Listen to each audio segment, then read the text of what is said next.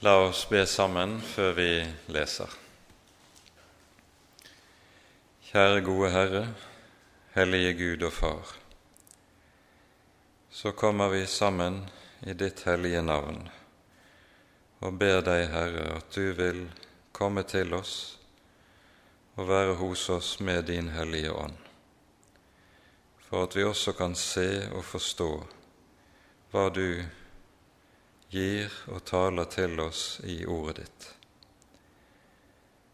Herre, uten din ånd er alt hva vi foretar oss, forgjeves.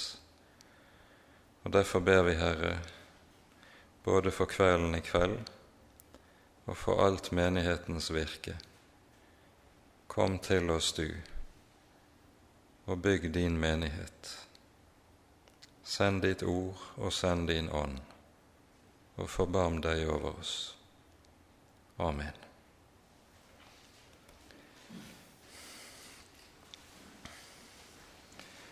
Forrige gang gjorde vi oss da ferdig med det tredje kapittelet i 2. Eh, Timotius brev. Eh, et kapittel som eh, likesom stiller opp to rake motsetninger imot hverandre på den ene side hører vi om eh, det frafall som skal komme til å prege historiens avslutning, et frafall som henger sammen med eh, ganske særlig vranglærernes virke eh, i verden og i menigheten. Og så, i motsetning til dette, kommer formaningen om å ta vare på Ordet, ta vare på de hellige skrifter, fordi dette er et ord som er inngitt, inspirert av Gud. Og fra dette går apostelen så inn i brevets avslutning, som også inneholder de avsluttende formaninger til eh, Timotius, samtidig som eh, vi med full rett kan si at i dette møter vi også Paulus' siste ord før hans død. Hvor lang tid det enda går før han lider martyrdøden etter at disse ordene er skrevet, vet vi ikke. Vi vet bare at i år 67 så dømmes Paulus til døden. Han slipper ikke ut etter sitt annet fangenskap. Eh, men blir da halshugget utenfor Roma på veien mot Ostia, som var Roms havneby. Eh, og årsaken til at Paulus ikke korsfestet, slik som Peter f.eks. ble det, det var at Paulus var romersk borger. Og som romersk borger kunne han da ikke dømmes til en slik fornedrende død som korsfestelsen var. Det å halshugges var en langt mer ærefull død, og derfor var det et privilegium som de som var romerske borgere, eh, eide, om man kan kalle det for det. Vi leser da de åtte første versene i kapittel fire. Jeg vitner for Gud og Kristus Jesus som skal dømme levende og døde, og ved Hans komme og Hans rike. Forkynn Ordet, vær rede i tide og utide, overbevis, irettesett og trøst med all tålmodighet og lære. For det skal komme en tid da de ikke skal tåle den sunne lære, men etter sine egne lyster skal de ta seg lærere i mengdevis etter det som klør i øret på dem. De skal vende øret bort fra sannheten og vende seg til eventyr. Men vær du edru i alle ting. Lid ondt, gjør en evangelists gjerning, fullfør din tjeneste. For jeg blir allerede ofret, og tiden for min bortgang forestår. Jeg har stridd den gode strid, fullendt løpet og bevart troen. Så ligger nå rettferdighetens krans rede for meg, den som Herren, den rettferdige dommer, skal gi meg på den dag. Ja, ikke bare meg, men alle som har elsket Hans komme. Amen.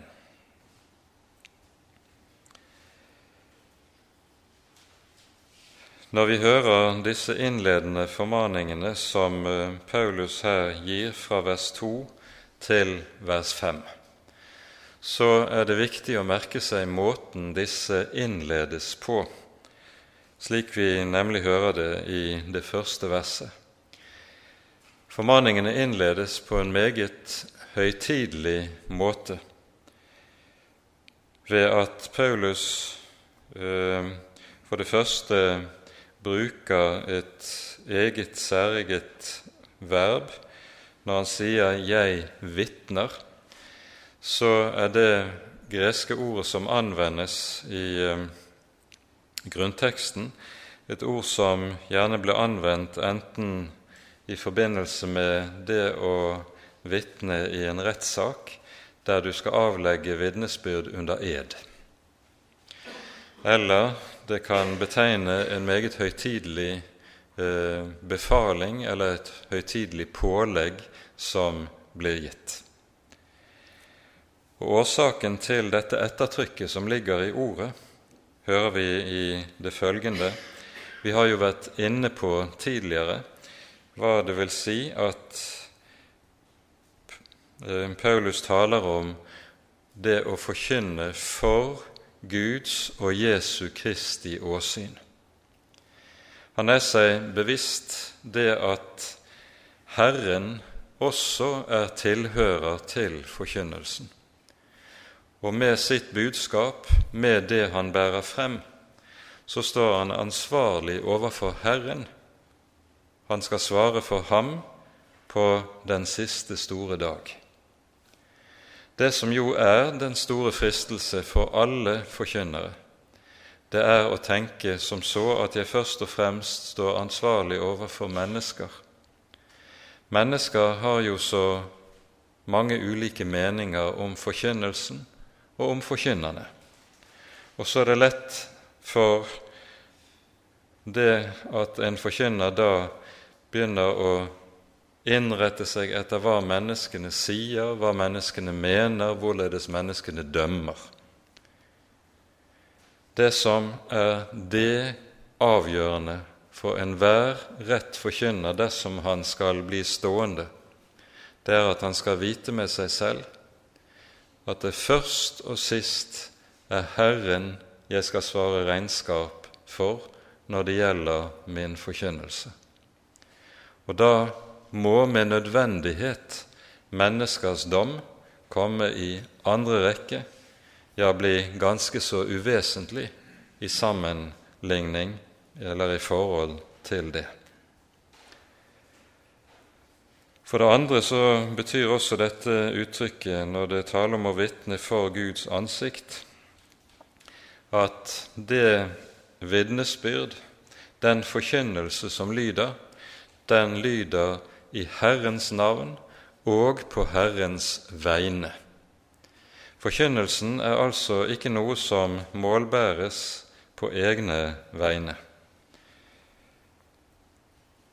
Og så understreker apostelen også med det som følger, at den Gud for hvis ansikt han altså avlegger dette vitnesbyrd, han er den som skal dømme levende og døde, nemlig ved sitt komme, når han kommer for å opprette sitt rike, slik vi leser det her. Uttrykket 'å dømme levende og døde', som vi jo også møter igjen i trosbekjennelsen, det svarer til, og det er en kortform av det som vi hører i en rekke andre sammenhenger i Det nye testamentet, at når Jesus kommer igjen, så skal de som da lever på jorden og som hører ham til, de skal opprykkes med ham, de skal ikke smake døden. Mens på den annen side de troende som er døde forut for dette, de skal oppvekkes, og så er det altså med dette tale om at han skal dømme levende og døde. Og det er dette som vi her hører om i kortform, som uh, ligger bakom, altså. Du kan lese i f.eks. i 1. Tessalonikerbrevs fjerde kapittel om dette, der uh, Paulus også peker på en sak som kanskje kan være viktig å understreke i møte med en uh, bestemt retning uh, innenfor uh, kristenheten i våre dager. Det står i 1. Tessalonikabrev 4 følgende.: Vi vil ikke, brødre, at dere skal være uvitende om dem som er sovnet inn, for at dere ikke skal sørge som de andre som ikke har håp. For så sant vi tror at Jesus døde og står opp, så skal Gud ved Jesus også føre dem som er sovnet inn, sammen med ham. For dette sier vi dere med ett ord av Herren.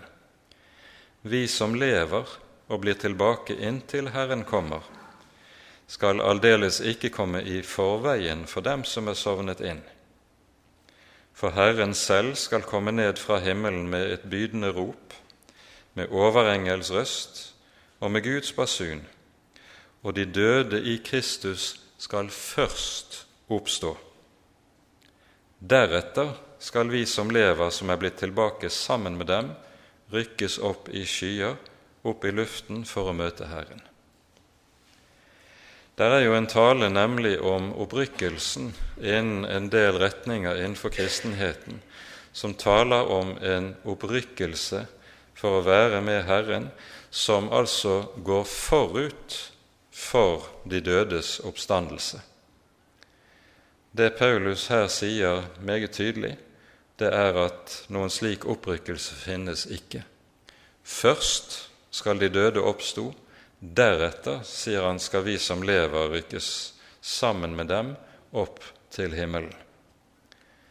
Det kan være viktig å være oppmerksom på hvordan apostelen underviser akkurat om disse ting når det er andre røster som lyder i kristenheten, og som har laget seg et ganske sterkt fantasibilde av hvorledes de siste tider skal se ut. Herren skal dømme levende og døde. Når dette pekes på i den sammenheng vi her er inne i, så har Paulus liggende i minne Jesu egen undervisning til disiplene når det gjelder deres forkynnelse og deres oppdrag. Og Her er det ganske særlig en lignelse i Lukasevangeliets tolvte kapittel som er viktig, og som jeg tror vi også skal minne om. Jesus har talt om å våke og være rede i, med tanke på gjenkomsten og dommens dag. Og så spør Peter Jesus i Lukas 12, vers 41 følgende. Da sa Peter til Jesus, Herre, er det til oss, altså oss apostler, du taler denne lignelsen, eller også til de andre? Herren sa, Hvem er da den tro og kloke forvalter, som Herren skal sette over husfolket sitt for å gi dem deres mat i rette tid. Salig er den tjener som Herren finner i ferd med å gjøre dette når han kommer. Sannelig sier jeg dere, han skal sette ham over alt det han eier. Men dersom denne tjener sier i sitt hjerte, Min Herre dryger med å komme, og han gir seg til å slå tjenerne og pikene og ete og drikke og fylle seg, da skal denne tjenerens herre komme en dag han ikke venter, og i en time han ikke vet, og han skal hogge ham ned og gi ham del med de vantro. Det Jesus altså her taler om, det er disiplene og alle dem som har fått et særlig ansvar med forkynnelsen av Guds ord i den kristne menighet. Forkynnelsen av Guds ord dreier seg jo om dette å sette frem mat for Guds folk. Gi Herrens folk mat i rette tid. Det er det det dreier seg om. Og så skal derfor enhver sann forkynner vite dette, at om forsamlingen enn er liten, eller om den er aldri så stor, det er aldeles underordnet. Det som er det avgjørende for enhver forkynner å vite, det er at Herren lytter til min forkynnelse. Han merker seg, og så skal jeg på den siste dag måtte svare regnskap for hva som var båret frem. Dette perspektivet som har med Jesu gjenkomst å gjøre. Jesus kommer tilbake. Det er jo et perspektiv som skaper en sunn våkenhet i alt kristent liv. Men ganske særlig skal de gjøre det i forhold til den som er satt til å forkynne Guds ord, til å gi Herrens folk mat. Så kommer fra vers to av da de konkrete formaninger. Og Den første lyder enkelt, tydelig og klart. Forkynn Ordet. Legg merke til hvordan begrepet 'ordet' anvendes her i denne sammenhengen. For det er ikke så ofte i Det nye testamentet vi hører tale om Guds ord på denne måten at det omtales i absolutt form og i bestemt form slik. Forkynn Ordet. Og vi forstår hva det er Paulus da har i tanke for han har jo nettopp i de foregående vers i slutten av det tredje kapittel talt om hva dette ord er for noe. Han sier til Timotius følgende.: Helt fra barndommen av kjenner du de hellige skrifter, som kan gjøre deg vis til frelse ved troen på Kristus Jesus. Den hele Skrift er innåndet, inspirert av Gud og nyttig til. Det er dette Paulus mener og har i tanke når han taler om 'forkynn Ordet'. Det er Den hellige Skrift som skal lyde fra forkynnerens munn, og vel å merke intet annet. Derfor er det også at vi møter det særegne ordet for å forkynne i Det nye testamentet i denne sammenheng, kerysso på gresk, som altså brukes om herolden.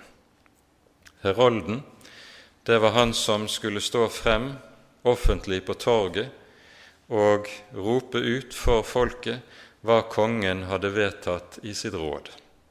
Enten det var kongelige befalinger om det ene eller det annet, eller det gjaldt lover som var vedtatt. Heroldens oppgave var én en enkelt ting å rope ut det kongen hadde bestemt i sitt råd.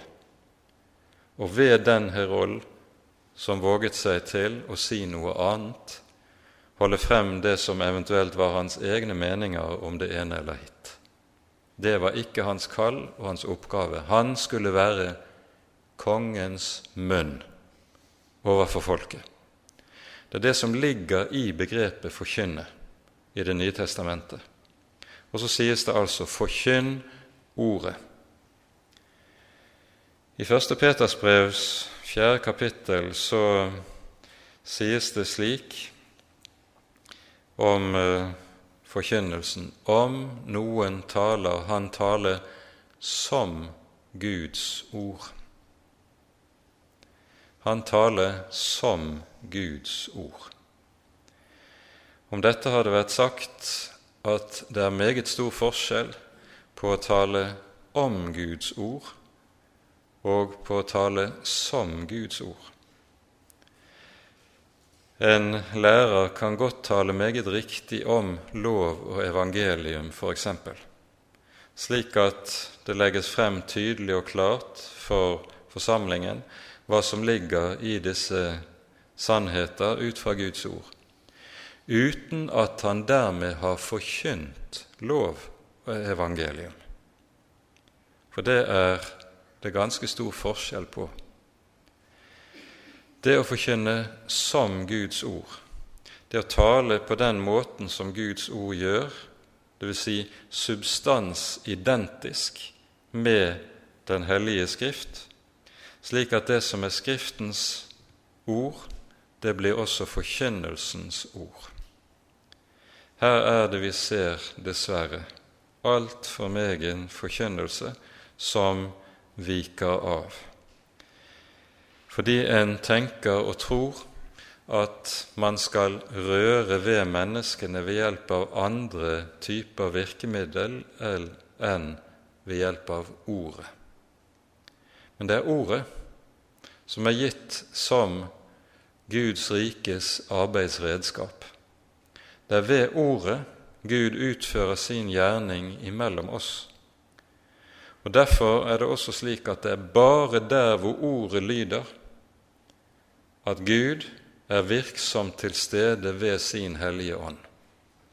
Der forkynnelsen gir seg til med å målbære andre ting, der trekker Den hellige ånd seg tilbake. Der forkynnelsen avviker fra sannheten i Guds ord, der trekker Den hellige ånd seg tilbake. Forkynn ordet, sies det. Og så konkretiseres dette på bestemt måte. For det første sies det, kommer det en påminnelse om å vokte seg for åndelig dovenskap. Vær rede i tide og i utide. Dette betyr å stå klar til enhver tid. En gammel prest her i Bergen, Steinar Ile, han eh, sa det slik på et eh, kurs for vordende prester den gang jeg selv sto foran min ordinasjon. En prest må alltid være rede til to ting til å preke og til å dø. Fyndig og klart, og dette sier også meget tydelig noe om hva som påligger den som er kalt inn i en slik tjeneste. Vær rede i tide og utide. Men legg også her merke til ordlyden det er nemlig noen som eh, ved en minneforskyvning eh, husker dette ordet som om det sto noe annet der. Det er noen som siterer ordet som om Paulus skrev 'forkynn i tide og utide'. Det skal vi nemlig ikke gjøre. Eh, dette her, En slik misforståelse kommer også frem i eh, en engelsk bibeloversettelse, New English Bible, som oversetter denne setningen som følger Kjør i vei i tide og utide. Da blir det ganske drastisk. Nei, det som sies, er 'vær rede i tide og utide'. En skal ikke forkynne i utide.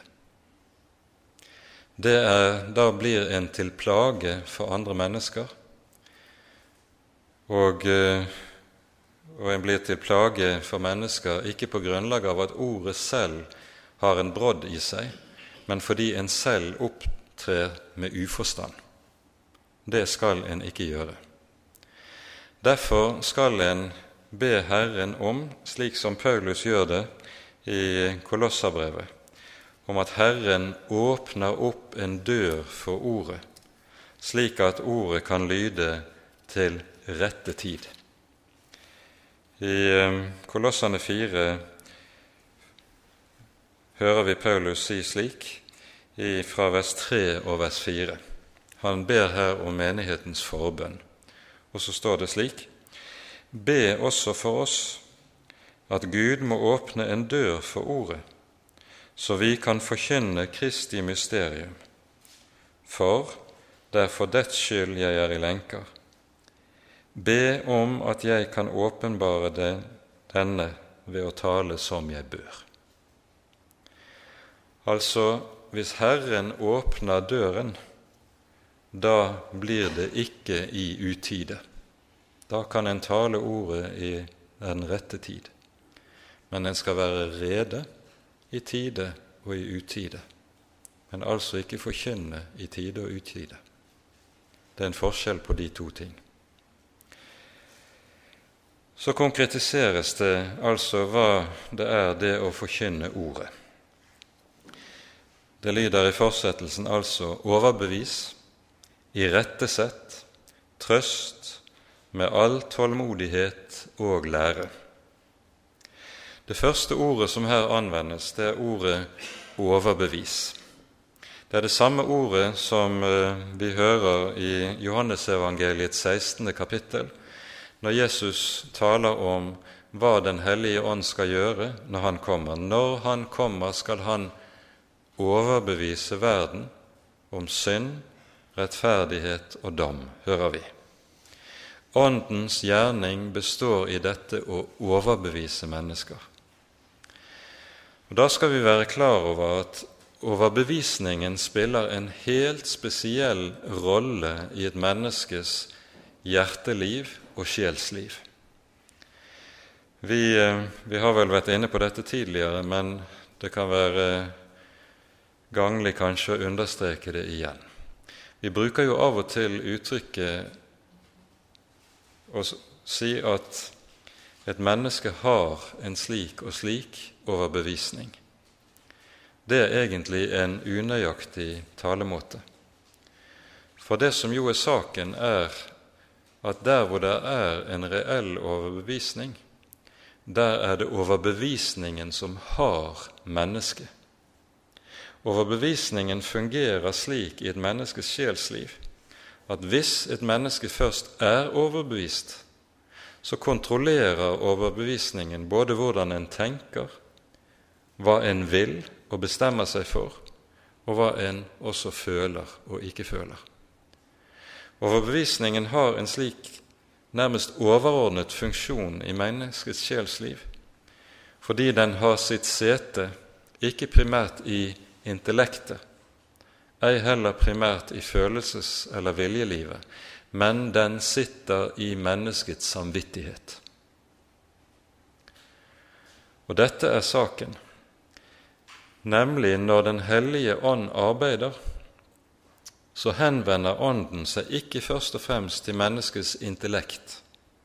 Det gjør han også, men ikke først og fremst ei heller først og fremst til menneskets følelsesliv eller viljeliv. Han henvender seg til menneskets samvittighet. Og derfor taler Den hellige ånd med lov og evangelium. Hva gjør loven? Loven overbeviser om synd. Den rammer nettopp samvittigheten, slik vi hører om det på pinsedag. Da de hørte dette, stakk det dem i hjertet en overbevises om synd. Evangeliet, det overbeviser om rettferdighet. Det trøster den samvittighet som er rammet. Det holder frem for samvittigheten, holder frem for hjertet, at all den synd som loven her dømmer deg for, det gis deg tilgivelse for hos Guds sønn. Han er nemlig død for din skyld. Han har gitt seg selv i døden for alle dine synder. Og På denne måten er det altså slik at lov og evangelium har en slik overbevisende virkning i det det retter seg nettopp til menneskets samvittighet. Det sies altså, hører vi, overbevis. Slik skal Timotius med Guds ord eller være ordets redskap, og slik skal Den hellige ånd få lov til å virke. Og så sies det irettesett og trøst. I den nye bibeloversettelsen er dette oversatt slik talt til tukt og til trøst. Og det er riktig forstått. Loven taler til oss til tukt, evangeliet til trøst. Og med dette så holder altså apostelen frem nettopp lovens og evangeliets tale, som skal lyde i forkynnelsen. Forkynn ordet, lyder det til Timotius. Og hvorledes? Jo, overbevis, tukt, trøst. Når eh, Paulus bruker disse uttrykkene, så er det hentet i denne sammenheng fra det vi har lest i det foregående om hva Den hellige Skrift virker. Som et levende ord er Skriften et virksomt ord, og så sies det altså den hele Skrift er innåndet av Gud og nyttig til overbevisning, rettledning, opptuktelse i rettferdighet, for at det Guds menneske kan være fullkomment dugelig til all god gjerning. Ordet er virksomt. Det skaper dette i menneskets liv og menneskets hjerte. Så sies det dette skal Timotius altså gjøre med all tålmodighet og lære. Er det noe som er nødvendig for den som er satt til å forkynne Guds ord, så er det nettopp tålmodighet. Dette har Jesus pekt på i eh, lignelsen i Markusevangeliets fjerde kapittel, der vi hører om bonden som går på åkeren og sår. Og så går natt og går dag. Kornet spirer frem av seg selv, sies det. Men det trenger sin tid. Og dette er nødvendig å peke på i våre dager, at alt liv, hvis det er sant liv, det krever tid. For i våre dager er vi vant til at alt automatiseres. Du trykker på en knapp, og så skjer øyeblikkelig det du vil. Slik er det ikke i Åndens rike, i Guds rike. Livet trenger tid for at det skal bære frukt. Og Derfor trengs tålmodighet hos den som arbeider med Guds ord. Det er ikke sikkert han får se resultat og frukt av sin forkynnelse og sin gjerning umiddelbart. Det kan godt hende det går år. Tålmodighet og tro på at når Herren, et ord har gått ut fra Herrens munn, så vil Herren sørge for at ordet utfører hva det han har sendt det til.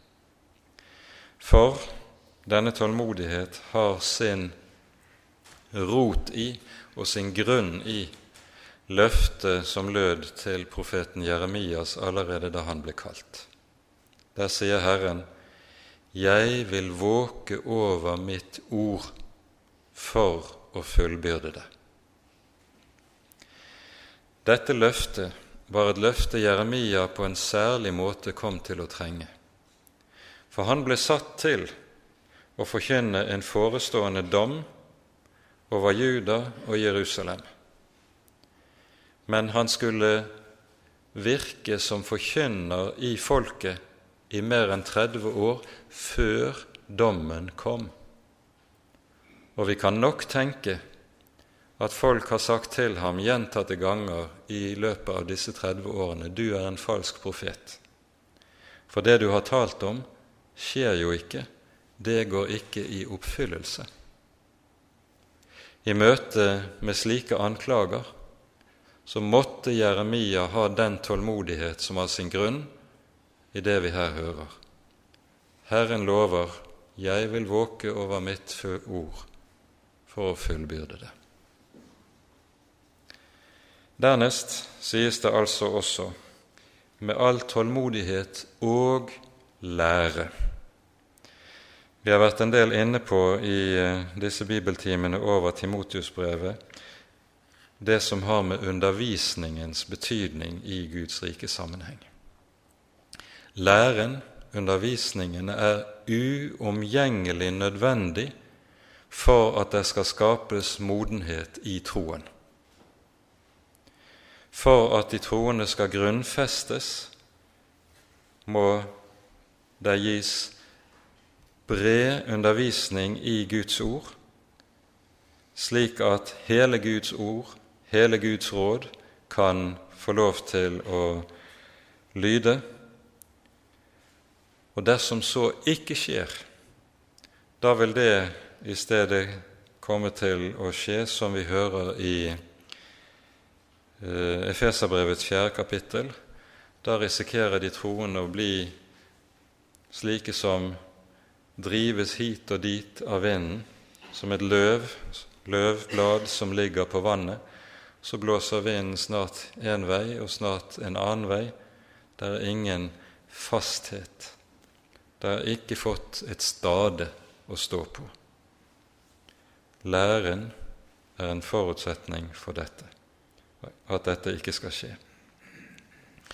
Og Så kommer det da en advarsel i fortsettelsen, for det skal komme en tid da de ikke skal tåle den sunne lære, men etter sine egne lyster skal de ta seg lærere i mengdevis, ettersom det klør i øret på dem.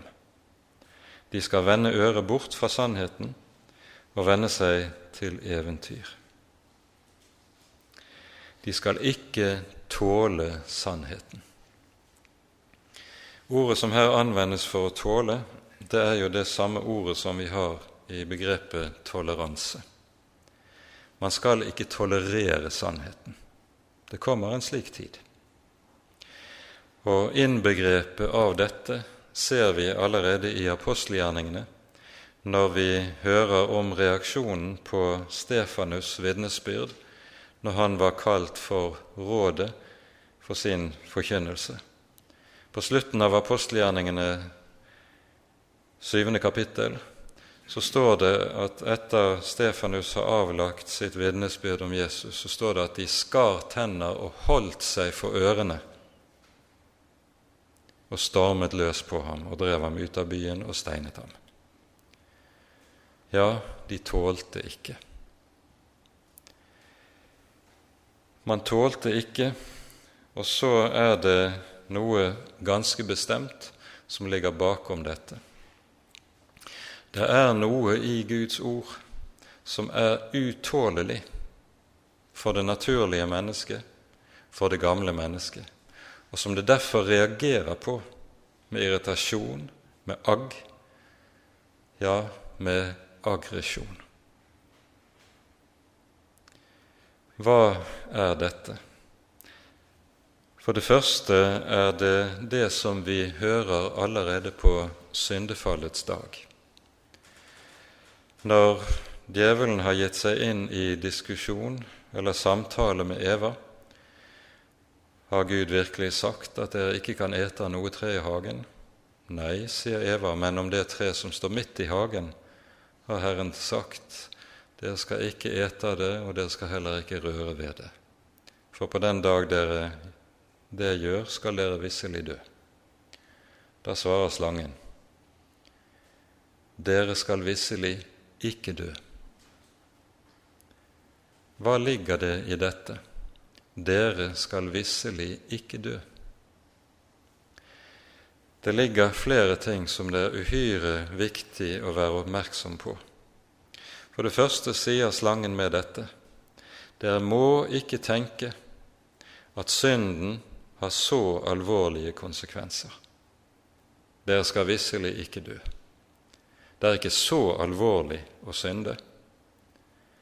Det som altså ligger bakom, det er en bagatellisering av synd, og alvoret med synd og faren ved synd. Dere skal visselig ikke dø. Dere må ikke tenke at Gud er slik. Dere har antagelig misforstått hva Gud mener, for Gud er jo kjærlighet. Dere skal visselig ikke dø. I dette ligger det også en fornektelse av Guds hellighet. Dere skal visselig ikke dø. Gud er snarere en Gud som er slik som oss, som er en likandes kar som lar seg forhandle med. Det er en slik Gud mennesket ønsker seg. Ikke en Gud som er hellig, ikke en Gud som ikke tåler synd, ikke en Gud som taler med sin hellige lov på en slik måte at det ikke gis kompromiss.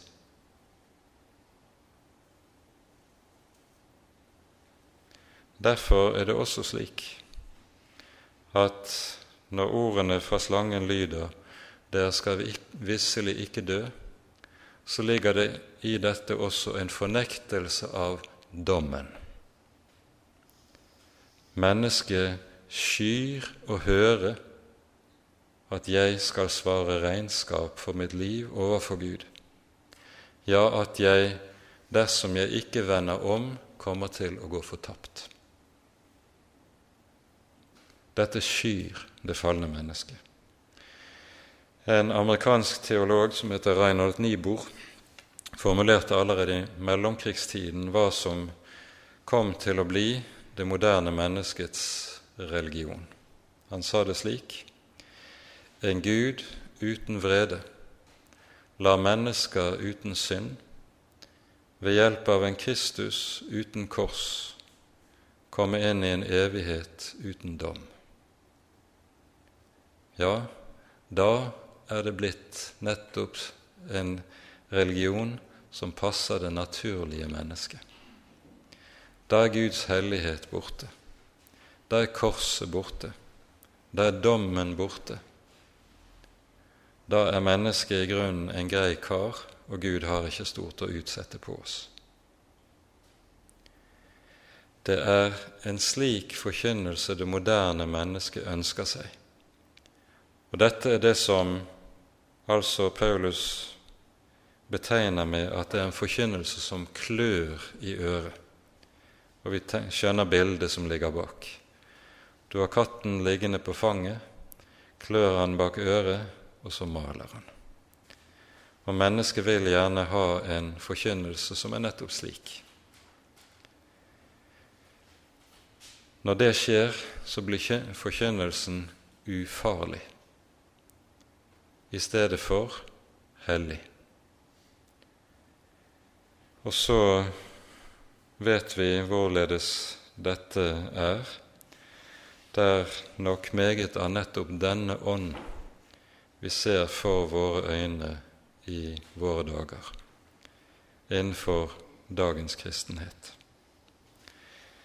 De skal ikke tåle den sunne lære men etter sine egne lyster tar seg lærere i mengdevis, ettersom det klør dem i øret.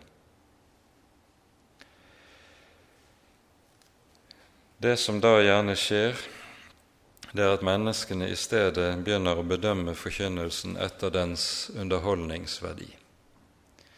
I den grad forkynnelsen har, kan by meg avveksling, komme med noe som er nytt og spennende, i den grad finner jeg den interessant. Ellers bryr jeg meg overhodet ikke om å lytte til den.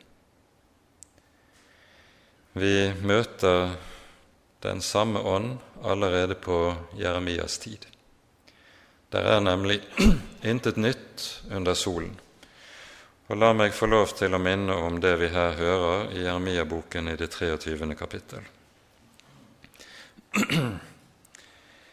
Her leser vi slik fra vers 29. Det er et kapittel som i sin helhet dreier seg om de falske profeter og deres forkynnelse.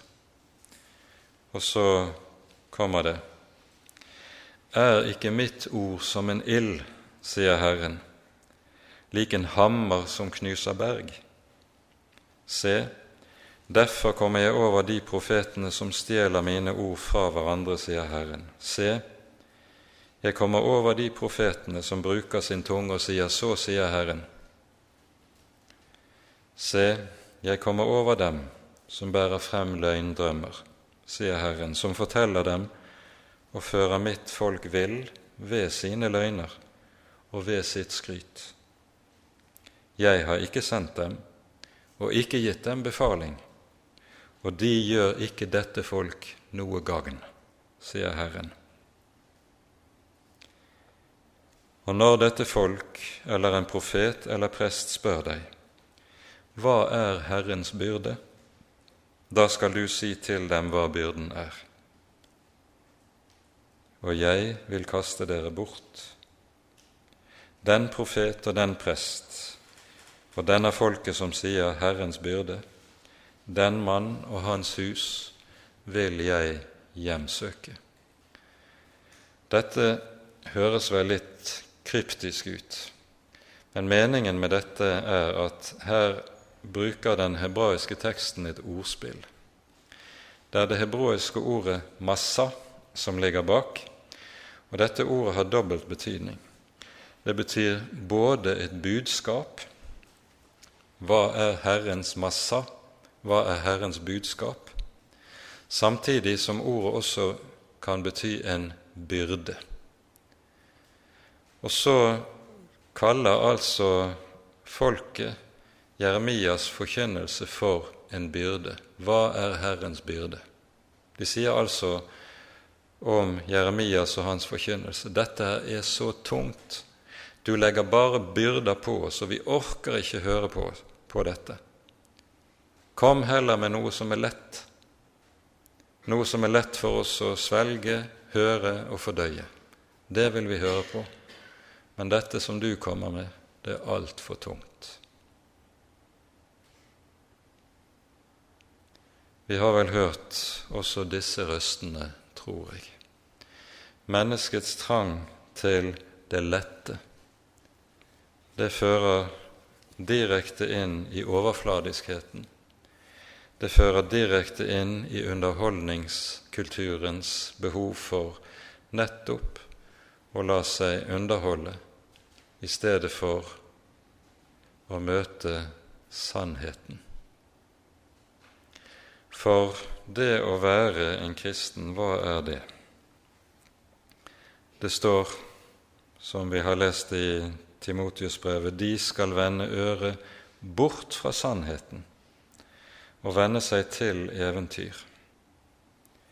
Det å være en kristen, det er å ha fått kjærlighet til sannheten sies det i 2. Timotius brevs 2. kapittel. Det er å ha fått kjærlighet til sannheten. En elsker sannheten i Guds ord, selv om den går på tvers av meg og mitt, selv om den rammer meg, selv om sannheten koster meg livet og fører meg til korset, så er denne sannhet noe en elsker å være en kristen er å ha fått kjærlighet til sannheten. Det uttrykket som anvendes her i Timotius-brevet, 'de skal vende øret bort fra sannheten', det er det samme ordet når det står 'vende bort', som ellers i Det Nytestementet brukes om omvendelse. Det er altså en omvendt omvendelse. En har omvendt seg og kommet til Jesus. Nå omvender en seg på nytt og går bort fra Jesus, bort fra sannheten, fordi en heller vil høre på andre røster, andre saker, som er mer spennende, og som ikke koster meg noe som helst. En ønsker seg heller de profeter som sier 'fred, fred'. Og situasjonen blir da nøyaktig som den var på Jeremias tid. De falske profeter som talte slik, de var meget populære. Til dem strømmet folk sammen, mens Jeremias, som forkynte sannheten, usminket, uavkortet, med den tyngde som hører sannheten til, han ble dypt upopulær. Ja, han ble forhatt. Dette er noe Timotius skal være forberedt på, og derfor lyder det i fortsettelsen. Men du, vær du edru i alle ting. Det er tredje gangen vi hører i brevet at Paulus anvender dette uttrykkssettet 'men du'. Det greske uttrykksmåten betegner 'du derimot'. Du skal altså være annerledes enn dette. Det ligger i kallet til å bære frem Guds ord et kall til også å være annerledes enn det som folk liker. Men du Først sies det 'vær du edru i alle ting'. Her møter vi et uttrykk, edru, som uh, hyppig dukker opp i Paulus sine brever og også i 1. Peters brev. Med dette tenkes det ikke på edruelighet i forhold til rusdrikk primært, men det tenkes på åndelig edruelighet. Nøktern er kanskje det beste oversettelsen av ordet. Vær du nøktern i alle ting. For det er en del eh, foreteelser og fenomener på det åndelige området, på det religiøse området, som har det med seg at det enten fører mennesker inn i ekstase, kan få mennesker fra sans og samling, få mennesker til å miste alt som er av sunn fornuft og dømmekraft. Den slags hører ikke den kristne tro til. Den slags er Den hellige ånd fremmed. For å legitimere eh, åndelig ekstase har det i de senere år eh, vært bl.a. en misbruk av ord som vi kan lese i Efeserbrevets femte kapittel. Jeg tror vi tar oss tid til å lese disse ordene. Her sies det følgende, Efeserne 5, vers 18 og 19. Drikk dere ikke drukne av vin for det fører bare til utskeielser, men blir fylt av Ånden, og slik at dere taler til hverandre med salmer, sanger og åndelige viser. Dette ordet i vers 18 har vært tolket slik at dere skal ikke drikke dere drukne på vin, men dere skal drikke dere drukne på Den hellige ånd. Og Så tales det om det å bli fylt av Den hellige ånd som og bli fylt på en slik måte at en går fra sans og samling, enten det da skjer med en såkalt lattervekkelse, eller det skjer på andre måter. Vi har sett den slags de senere år. Det er alt sammen misbruk. Den som er fylt av Den hellige ånd, han er edru. Han er sindig, han har selvkontroll. For ordet edru som anvendes her, det kan også betegne det å være balansert og ha full selvkontroll. Det er det det dreier seg om. Sunn åndelighet dreier seg om dette. og Derfor er det ikke tilfeldig at vi møter nettopp uttrykket 'den sunne lære' om igjen og om igjen både i første og andre Timotius brev. Mens den usunne åndelighet, den fører gjerne til at også edrueligheten blir borte, til fordel for alt mulig ekstatiske eller suggestive ytringer. Vær du edru, sies det, i alle ting. Og merk det sies i alle ting. Dernest kommer det lid ondt. Til det å lide ondt hører i denne sammenheng å være forberedt på å være upopulær, slik som det med nødvendighet må bli når vranglærerne fører med seg en falsk forkynnelse, og det er det som er det som blir populært, det som trekker folk, det som blir stående høyt i kurs. Lid ondt. Du må være villig til også å tåle det. Gjør en evangelists gjerning, fullfør din tjeneste. En evangelists gjerning, det betyr det som vi møter gjentatte ganger i både brevene og evangeliene, at det som er det fremste siktemål med at Timotius er kalt til en forkynner av Guds ord, det er at han skal forkynne det evangelium som er gitt til frelse for syndere. Gjør en evangelists gjerning.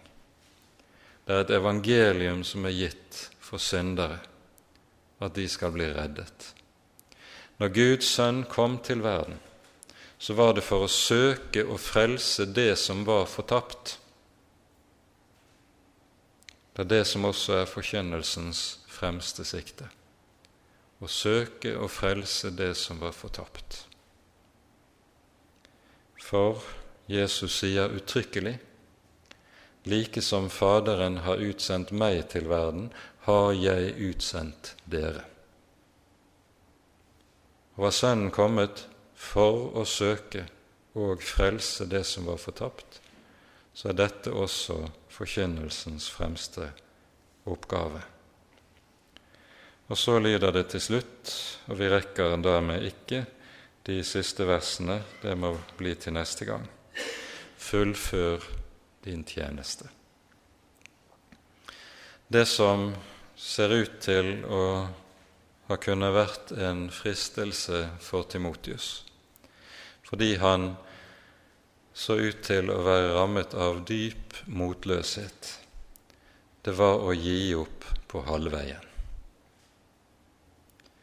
altså at han ikke skulle komme til å fullføre sin tjeneste. Det var så meget som buttet imot.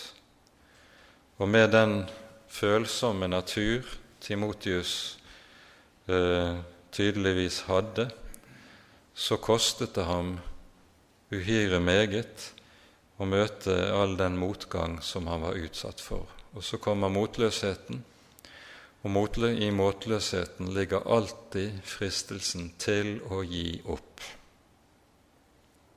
Fullfør din tjeneste, sier Paulus. Han som nemlig har begynt den gode gjerning i deg, han skal fullføre den inntil enden. Ser du på deg selv, så har du grunn til å bli motløs.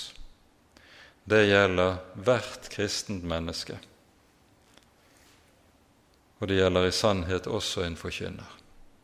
Ser du på deg selv, så kan du sannelig ha grunn til å bli motløs. Men derfor er det også slik at det som skal være blikkets retning, det er ikke på seg selv, egen svikt, egen tilkortkommenhet, de vansker og trengsler som en står oppe i. Blikket skal være rettet på Han som er troens opphavsmann og fullender. Han som begynte den gode gjerning i deg, han skal fullføre den inntil enden. Det løftet. Og det løftet som er gitt også til de som er satt til slik tjeneste i Guds rike.